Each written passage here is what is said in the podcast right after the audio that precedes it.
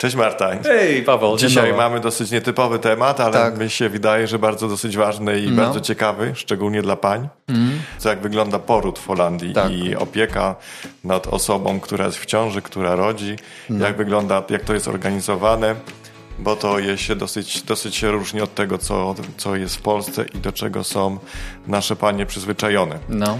I dzwonimy zaraz do pani Małgorzata, która prowadzi... E, Gabinet położniczy w, w Hadze. Akurat, więc trochę poza nasz rejon, ale... Ja myślę, że będzie miała dosyć sporo ciekawych rzeczy do powiedzenia, więc spróbujmy do niej zadzwonić i, e, i porozmawiać z nią.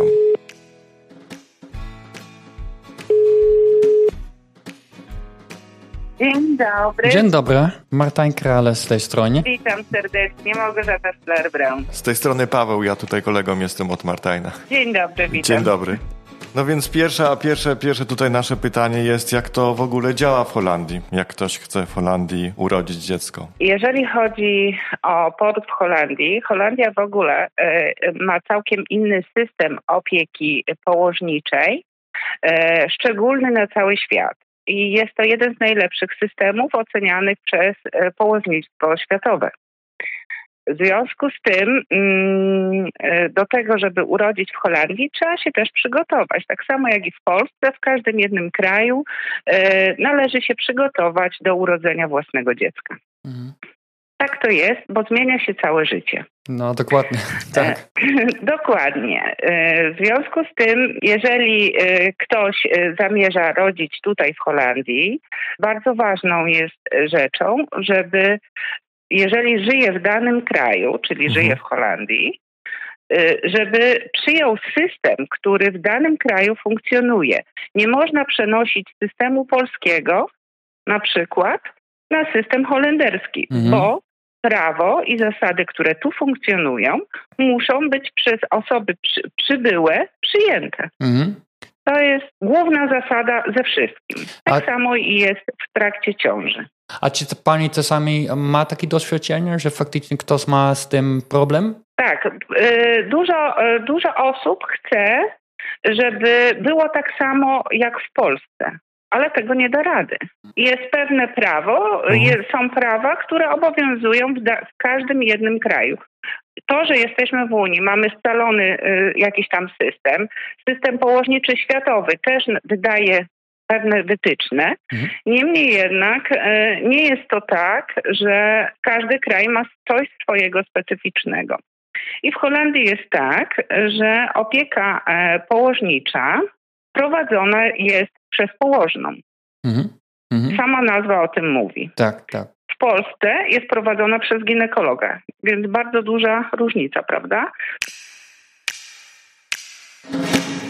No ale praktycznie jak to wygląda? Kobieta zachodzi w ciążę, tutaj jest w ciąży po prostu w Holandii i, i co mhm. ona ma zrobić w pierwszej kolejności? E, w momencie, kiedy kobieta dowiaduje się, że jest w ciąży, e, robi test, zazwyczaj na podstawie testu, nie dostaje miesiączki, robi test, z testu wychodzi, y, że jest w ciąży. Jest test pozytywny.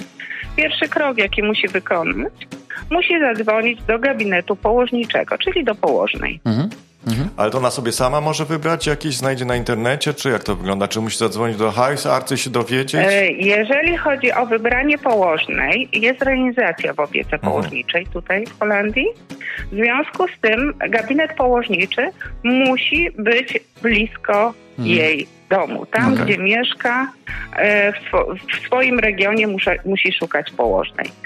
E, dla polskich e, kobiet w ciąży powstała specjalna strona, o. która jest po polsku.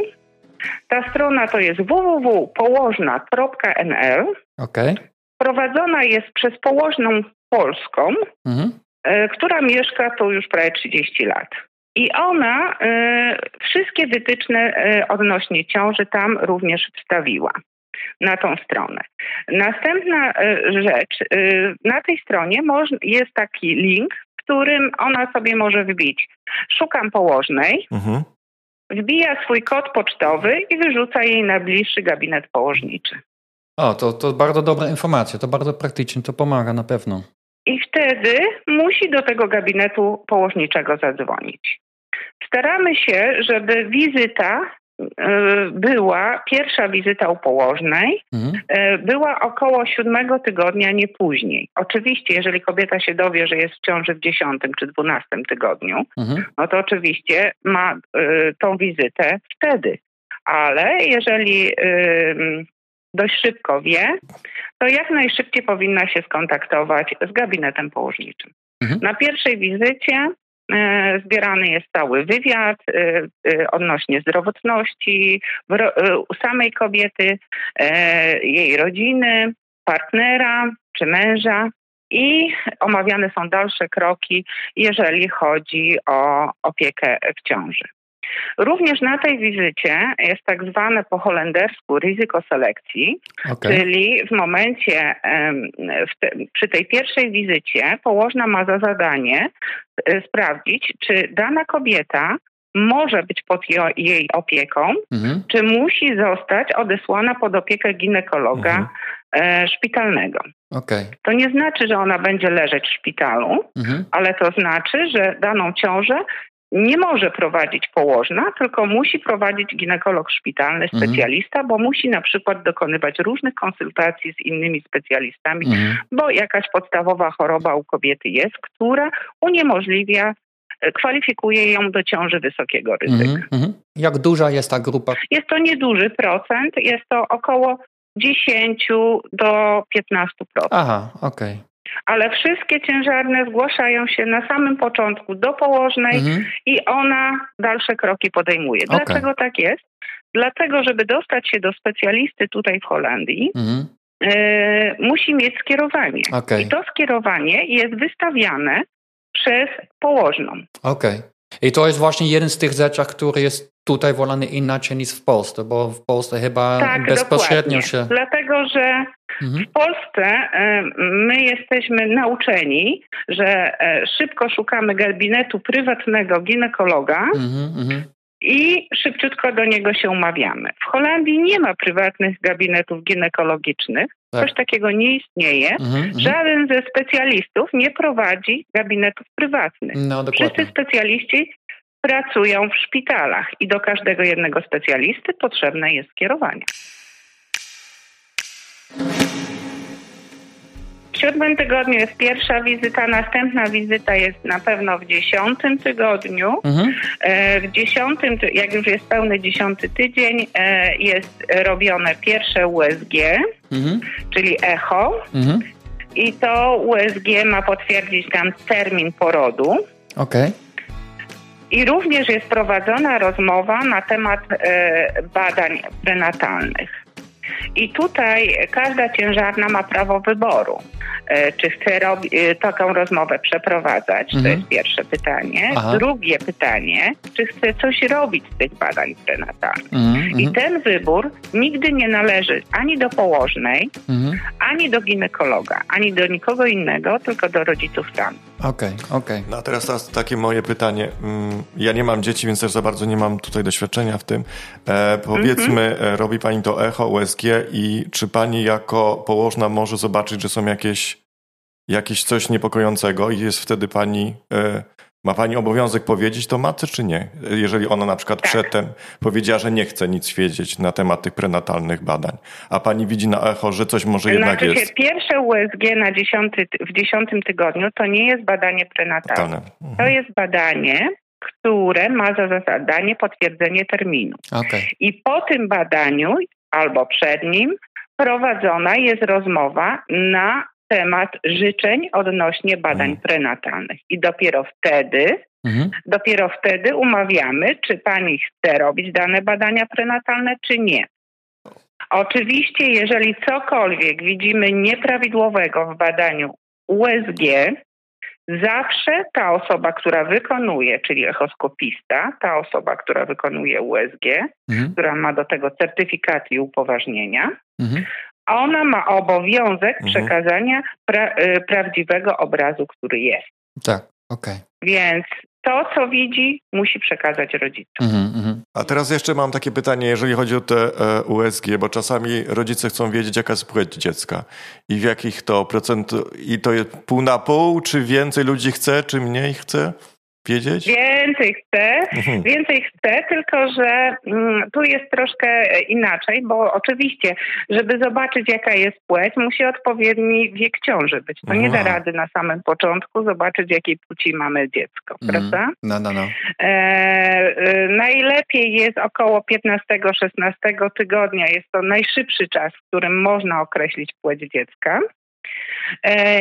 I y, jeżeli ktoś chce to wiedzieć, są to tak zwane pred-echo, czyli A, dla, ple, tak.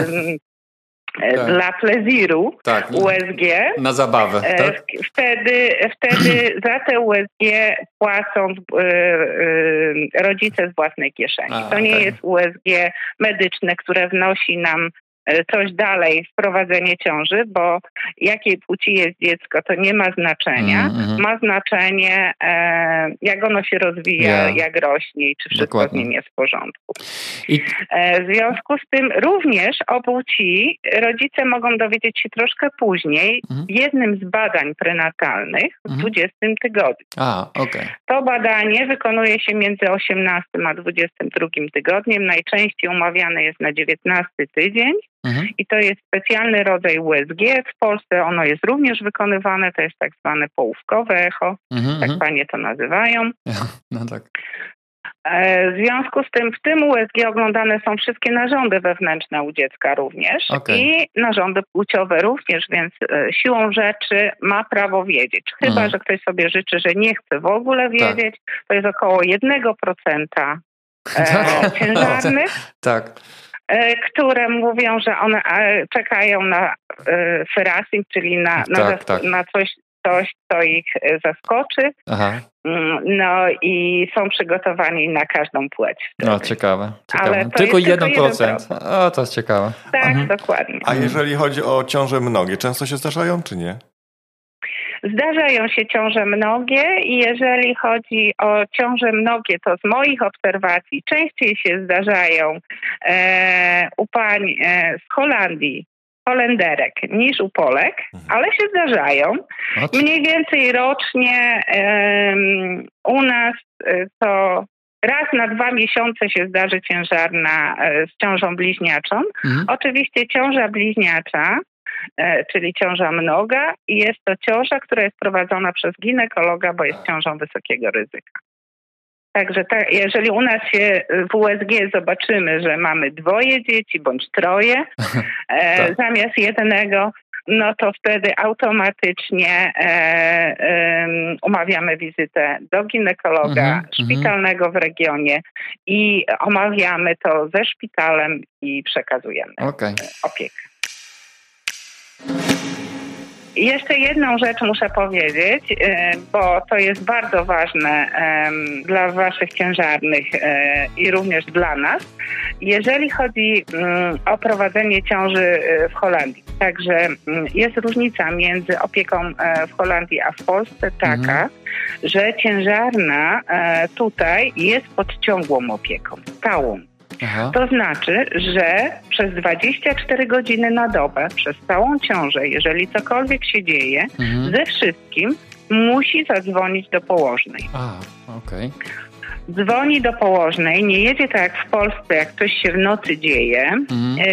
to, to musi pojechać do szpitala, prawda? Mm. Tutaj nie, tutaj nie ma tej opcji. Mm. Ta opcja jest dopiero wtedy, kiedy położna do niej przyjedzie albo kiedy położna stwierdzi, że musi natychmiast znaleźć się ciężarna w szpitalu, wtedy mhm. ją przekazuje. Okay. Czyli skierowanie. Cały czas jest ten moment przekazania. Mm-hmm. Gdy jest pod opieką ginekologa, też nie jedzie od razu do szpitala, tylko dzwoni do szpitala, ma specjalny numer, który jest 24 godziny na dobę czynny i z oddziału położniczego mm-hmm. i mhm. ona tam dzwoni i tam dostaje konsultację i dopiero wtedy mówi się, na A. którą godzinę, gdzie ma przyjechać, chyba, że jest płód, to czasami jest tak, że wysyłamy karetkę od razu. Mm-hmm. Okay, wow. Także to jest duża różnica niż w Polsce. W Polsce dlaczego jest możliwość, że one chodzą do tych gabinetów e, ginekologicznych? I dlatego jest tak, że w momencie, kiedy przychodzi do gabinetu, jest pod opieką, później wraca do domu, już nie jest pod opieką. A, prawda? Okay. Wtedy ona w nocy nie dzwoni do swojego ginekologa, że jej mhm. się coś dzieje, Aha. Mhm. tylko y, po prostu ubiera się, wsiada au w auto bądź dzwoni po karetkę i jedzie do szpitala. Okay, okay. Tak samo jest też z porodem. Tutaj mhm. jest troszkę inaczej. Tu jest tak, że y, każda ciężarna, która jest prowadzona przez da daną położną. Mhm. E, jeżeli nie ma przeciwwskazań do porodu z ginekologiem, mhm. to rodzi z nią również. Mhm. I stąd bierze się prawo wyboru między porodem domowym mhm. a porodem szpitalnym. Okay. Mhm. E, oczywiście przez całą ciążę prowadzona jest cały czas ta sele ryzyko selekcja, czyli tak, tak. ewaluacja, czy, czy dana ciężarna może dalej, posiada dalej to prawo wyboru, czy jednak z ciążą się coś dzieje mhm. i na przykład nie może rodzić w domu, musi urodzić w szpitalu. Mhm, mhm. Są wskazania do tak zwanego porodu poliklinicznego, mhm. w którym na przykład dana ciężarna rodzi w szpitalu ze swoją położną. Również jest sytuacja, kiedy ciężarna nie może rodzić ze swoją położną, pomimo że do 36 tygodnia była cały czas pod jej opieką, ale jest sytuacja, że na przykład wcześniej przebyła cięcie cesarskie poprzedniej ciąży i musi e, rodzić, to jest wskazanie do porodu w szpitalu i wtedy rodzi z ginekologiem. W 36 tygodniu taka ciężarna zostaje przekazana pod opiekę ginekologa. Wcześniej już z nim ma jedno spotkanie w trakcie ciąży, bądź dwa, różnie, e, żeby się zapoznać, e, co dalej, żeby postanowić, w jaki sposób chce rodzić. A jaki jest e, stosunek? Ile ludzi w, w praktyce e, Rodzi ro, ro, rodząc w domu. Tak, ile rodzi w szpitalu? Tak, u... 16% u nas. 16%, okej. Okay. 16% y, ze względu na to, że my mamy w tej chwili troszkę u nas bilans, jeżeli chodzi o Polki, mhm. i innych narodowości ciężarne mm, się zmienił, bo na początku y, było 94% Polek w praktyce, mhm. ze względu na to, że ja rozmawiam po polsku. Mhm, y, w związku z tym dużo pań po prostu y, do nas się zgłaszało. A jak to wygląda w Polsce? W Polsce w ogóle się też rodzi w domu, czy nie?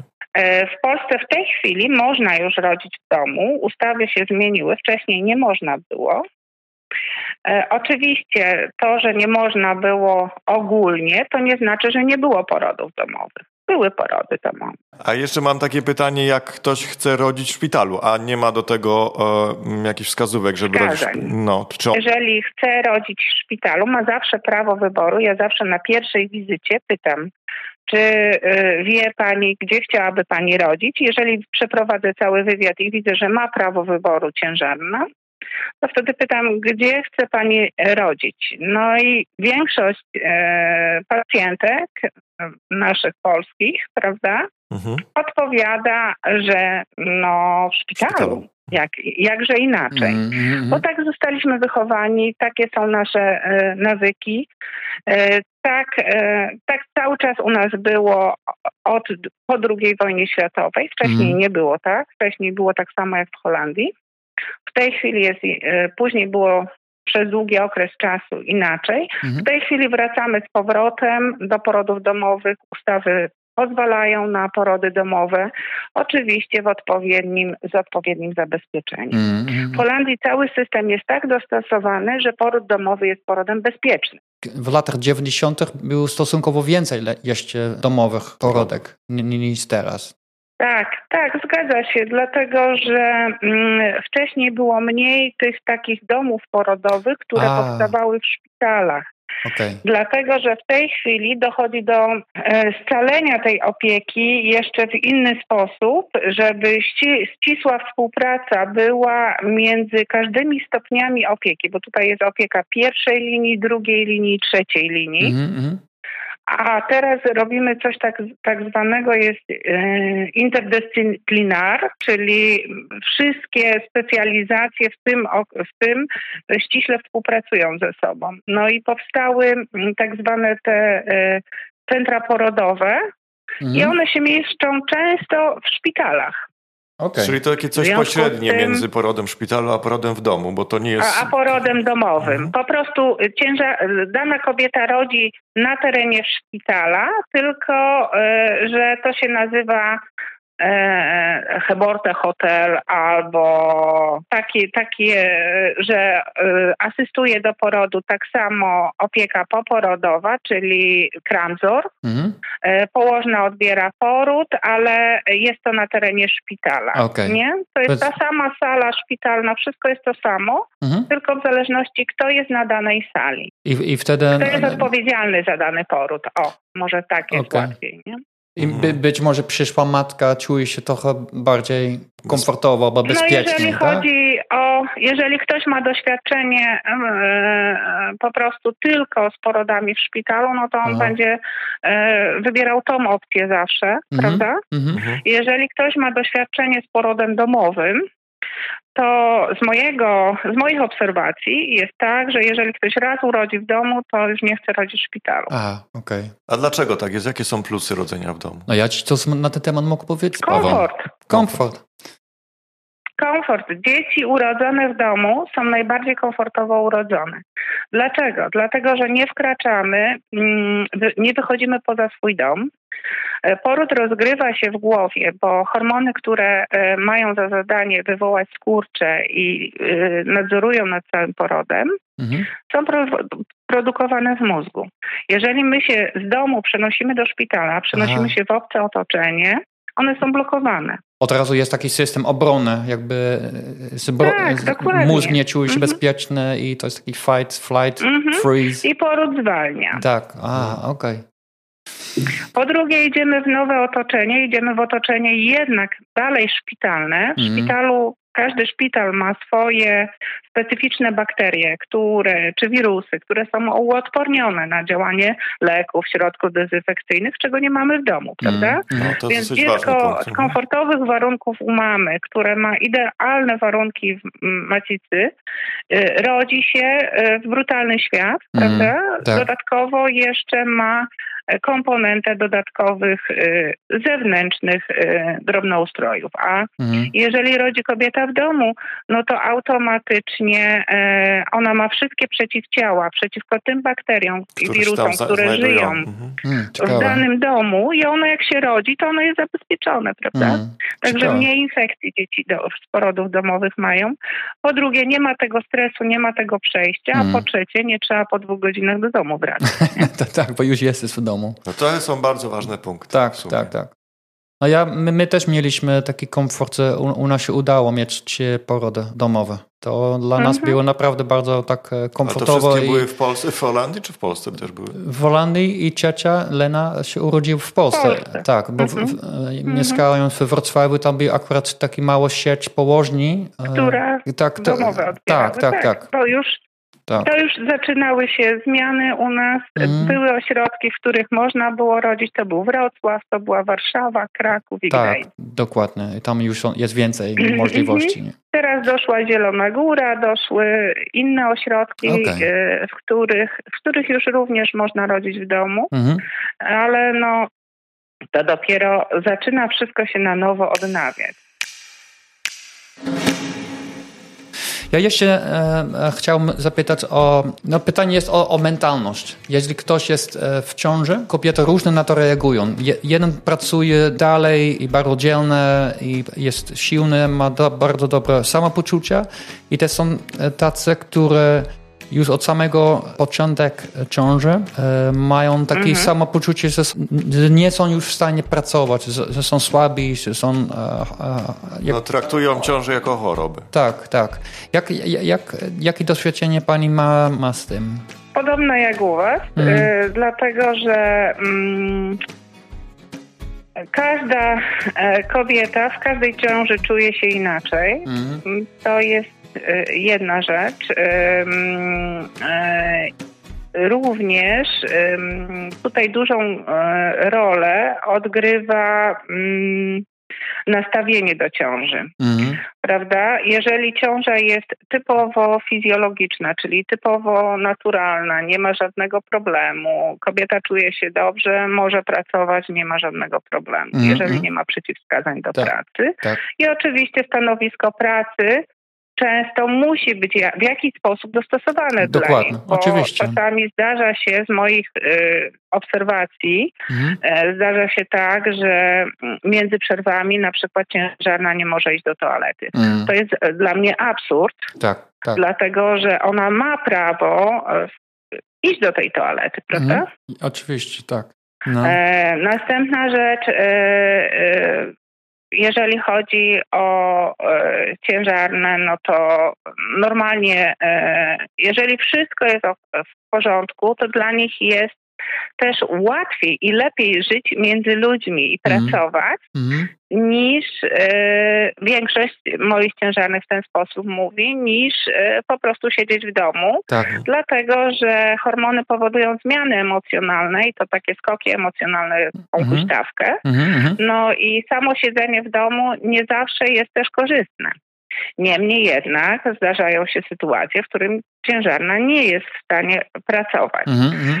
I czasami jest to już na samym początku się zdarza, później -hmm. jest lepiej. Tak. I wraca do pracy, a później pod koniec znowuż y, jest gorzej. Mm, tak. I to zależy od od sytuacji, która e, jest dyktowana przez ciążę, bo tak, jak tak. ktoś cały czas wymiotuje, nie jest w stanie nic jeść, mm, nie no. jest w stanie funkcjonować, to będzie mdlał, będzie mu słabo, będzie e, po prostu nie będzie nadawał się do pracy, prawda? Może ja tak ogólnie powiem, co trzeba załatwić w trakcie ciąży. Okej. Okay. Mhm. Po, po porodzie co, coś tak, się dzieje. Masz rację. To, jest, to są bardzo ważne rzeczy i te rzeczy powinny być załatwione w trakcie ciąży, a nie e, po porodzie. Mhm. A więc tak, przede wszystkim, mm, jak już jest ustalony termin, e, zgłasza się do pracodawcy, że się jest w ciąży, daje się zaświadczenie ciążowe. Mhm. Oczywiście każdy ma prawo zgłosić w tym czasie, kiedy sam uważa, mhm. bo to jest prywatna sprawa każdego e, człowieka. Tak, dokładnie. Stan jego zdrowotny e, i również życie jego prywatne jest życiem prywatnym. Mhm, dokładnie. Mhm. E, niemniej jednak każda ciężarna, wystawi, e, każda ciężarna dostaje zaświadczenie ciążowe, że jest mhm. w ciąży, na kiedy jest wyliczony termin i to jest dokument wiążący, który później daje prawo przejścia na um, urlop macierzyński. E, macierzyński, prawda? I na macierzyński ciężarna przechodzi najszybciej w 34 tygodniu mhm. ciąży należy jej się 16 tygodni. Tak, tak, tak, tak. Czyli po porodzie zawsze musi dostać 10 tygodni. Mhm. Jak dziecko urodzi się po terminie, tydzień po terminie, mhm. to wtedy, no niestety, to yy, i tak 10, i tak musi 10 tygodni dostać, czyli tak, dłużej tak. jest na macierzyńsku. No, no, no, no, no. O tydzień. To jest bardzo ważne. Jeżeli chodzi, to jeżeli chodzi o macierzyństwo. Następna rzecz, którą w trakcie ciąży trzeba załatwić, około 15 tygodnia należy się zgłosić do opieki poporodowej. Opieka poporodowa, czyli Kramzorch, mhm. jest to opiekunka, która nie jest położną. Jest mhm. to opiekunka poporodowa. Mhm. W Polsce, z Polską, jeżeli byśmy chcieli porównać, to jest y, tak pielęgniarka, mhm. Która przychodzi po porodzie przez pierwszy tydzień do domu. Mhm. Ona ma za zadanie prowadzenie obserwacji mamy i dziecka, czyli czy wszystko z nią w porządku, czy, czy wszystko wraca do normy i czy z dzieckiem stan dziecka jest prawidłowy. I ona wtedy kontaktuje się z położną. Jeżeli coś widzi, że na przykład dziecko za bardzo żółte się zrobiło, mhm. to ona dzwoni i położna przyjeżdża, pobiera krew i tak dalej. Mhm. Oczywiście po porodzie również trzy razy przyjeżdża położna na kontrolę obligatoryjnie, a w międzyczasie przyjeżdża, jeżeli Kramzor wzywa, bo coś się dzieje. A ta opieka poporodowa to jak długo trwa po porodzie? Przez pierwszy tydzień. Pierwszy tydzień, okej. Okay. okay. Maksymalnie może położna wydłużyć do 10 dni, okay. bo wtedy podpisuje specjalną indykację medyczną i ubezpieczyciel hmm. za ten Kramzor płaci, za tą opiekę poporodową w domu. A nim pani powie, ta opieka poporodowa, to ile to jest standardowo godzin e, w ciągu dnia? E, tutaj e, przychodzi w trakcie ktoś z tej opieki porodowej, na przykład są praktyki położnicze, które mają swój kramzer, swoją opiekę poporodową, na przykład u nas tak jest. Mhm. Więc y, ta, y, jest ktoś, y, któraś z dziewczyn przychodzi do domu w 34 tygodniu najpóźniej do, do kobiety i ustalają, ile godzin ona chce. I są trzy możliwości, są trzy pakiety. Pakiet pod, taki minimalny to jest 24 godziny, to że ona przychodzi tylko i wyłącznie na kontrolę do matki i dziecka, waży dziecko, sprawdza wszystko. Yy, i nie wykonuje żadnych innych dodatkowych prac. To jest pakiet 24-godzinny. Pakiet 32-godzinny e, e, to jest 4 godziny dziennie, a pakiet 49 godzin, 48 to jest maksymalny pakiet, jaki można mieć z Kramzorchu mm przy ciąży pojedynczej. Okay. Jeżeli jest ciąża mnoga, czyli bliźniaki, no to tam do, dodatkowe godziny. Okej, okay, okej. Okay. Chyba, że jest medyczna indykacja i położna doda dodatkowych godzin, ale o tym decyduje położna prowadząca. I często Polacy, i tu bardzo bym chciała podkreślić, e, e, jedni drugich straszą i mówią, że przyjdzie do Was kontrola do domu w ciąży, czy dostaniecie dziecko do domu. To nie jest kontrola, to jest właśnie wizyta E, na to, jak przychodzi Kranzor i chce spytać, A, co już macie, okay. co wam jeszcze będzie tak, tak. potrzebne. Ona przychodzi na zasadzie poradzić, a mhm. nie skontrolować. Takie historie faktyczne e, chodzą? Tak, tak, takie obawy są? Tak. Wow, okej. Okay. Są takie historie. No, no, no.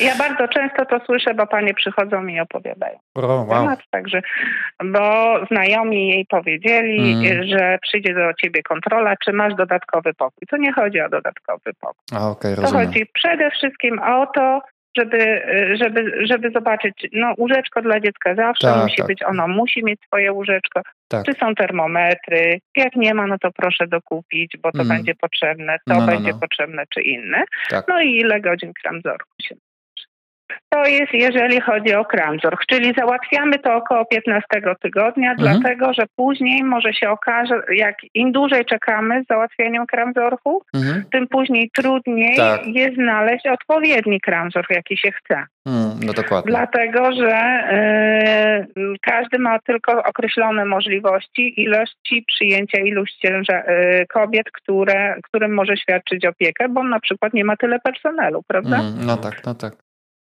Także to jest następna. Po 20 tygodniu jest jedna bardzo ważna rzecz, e, którą trzeba za załatwić, mhm. E, uznanie dziecka, czyli tak zwany erkening. Jakie nazwisko dziecko będzie nosiło. O, okej. Okay. I gdzie to się I załatwia? to załatwia się w Chementę. Okej. Okay. E, I to jest bardzo ważne, bo w momencie ktoś jest, jeżeli ktoś jest stanu wolnego, czy nie ma sporządzonego, e, rejestrowanego Samenwohnen, mhm. czy Partnership. Tak. Jeżeli tego nie ma, e, a są parą, mieszkają razem, e, oczekują na wspólne dziecko, Aha. to i tak, jeżeli nie zostanie zrobione orzeczenie tak zwane, mhm. jakie nazwisko dziecko ma nosić, to dziecko zawsze dostaje nazwisko matki, Mhm. A ojciec nieznany jest na dokumencie urodzeniowym wtedy. O, okej. Okay. Więc często dochodzi później do awantur. Dlaczego tak, e, tak, jeżeli, e, bo nie chcą mi zapisać dziecko na nazwisko Aha. moje. Mhm. Często panowie mówią. Okay. Ale żeby tak było, to musi być wcześniej tak zwane erkening. Okay. I e, wtedy idą obydwoje, e, umawia się wizytę w Chementę, e, w trakcie ciąży idzie się obydwoje do urzędu mhm. miasta mhm. i mm, e, pani oświadcza, że to jest ojciec mojego dziecka mhm. i pan zgadza się na nadanie swojego nazwiska. Okay. I to jest wystawiony specjalny dokument i ten dokument jest później ważny, jeżeli dziecko się urodzi, mhm. to e, pan ma obowiązek e, w ciągu trzech dni od urodzenia zameldować dziecko. Tak tak, tak. Czyli zgłosić do urzędu, mhm. zrobić anchistę. Okej. Okay. I ten dokument będzie ważny, bo wtedy on idzie z, dokument, z paszportem pani, czy tam z dokumentem tożsamości, e, idzie ze swoim, e, bierze dokument Erkening mhm. i bierze ze sobą również e, wystawione przez położną bądź przez ginekologa, e, w zależności z kim urodzi, e, dokument, że dziecko się urodziło, kiedy, mhm. gdzie, o której godzinie, ile waży, jakiej płci jest, jakie imię i nazwisko ma. Okej, okay, no to ja nie, nawet nie wiedziałem o tym, że trzeba się omówić na taki erkenning. O, to były bardzo e, treściwe informacje, które pani dała. Ja, ja, kilka nowych rzeczy dla mnie słyszałem. I bardzo konkretnie. Ja myślę, że ten podcast będzie miał najwięcej słuchaczy, największą liczbę słuchaczy z wszystkich naszych podcastów. Tak, tak. Dziękuję bardzo. Ja również dziękuję. Proszę bardzo, powodzenia. Do usłyszenia, dziękuję jeszcze Do raz. Do usłyszenia.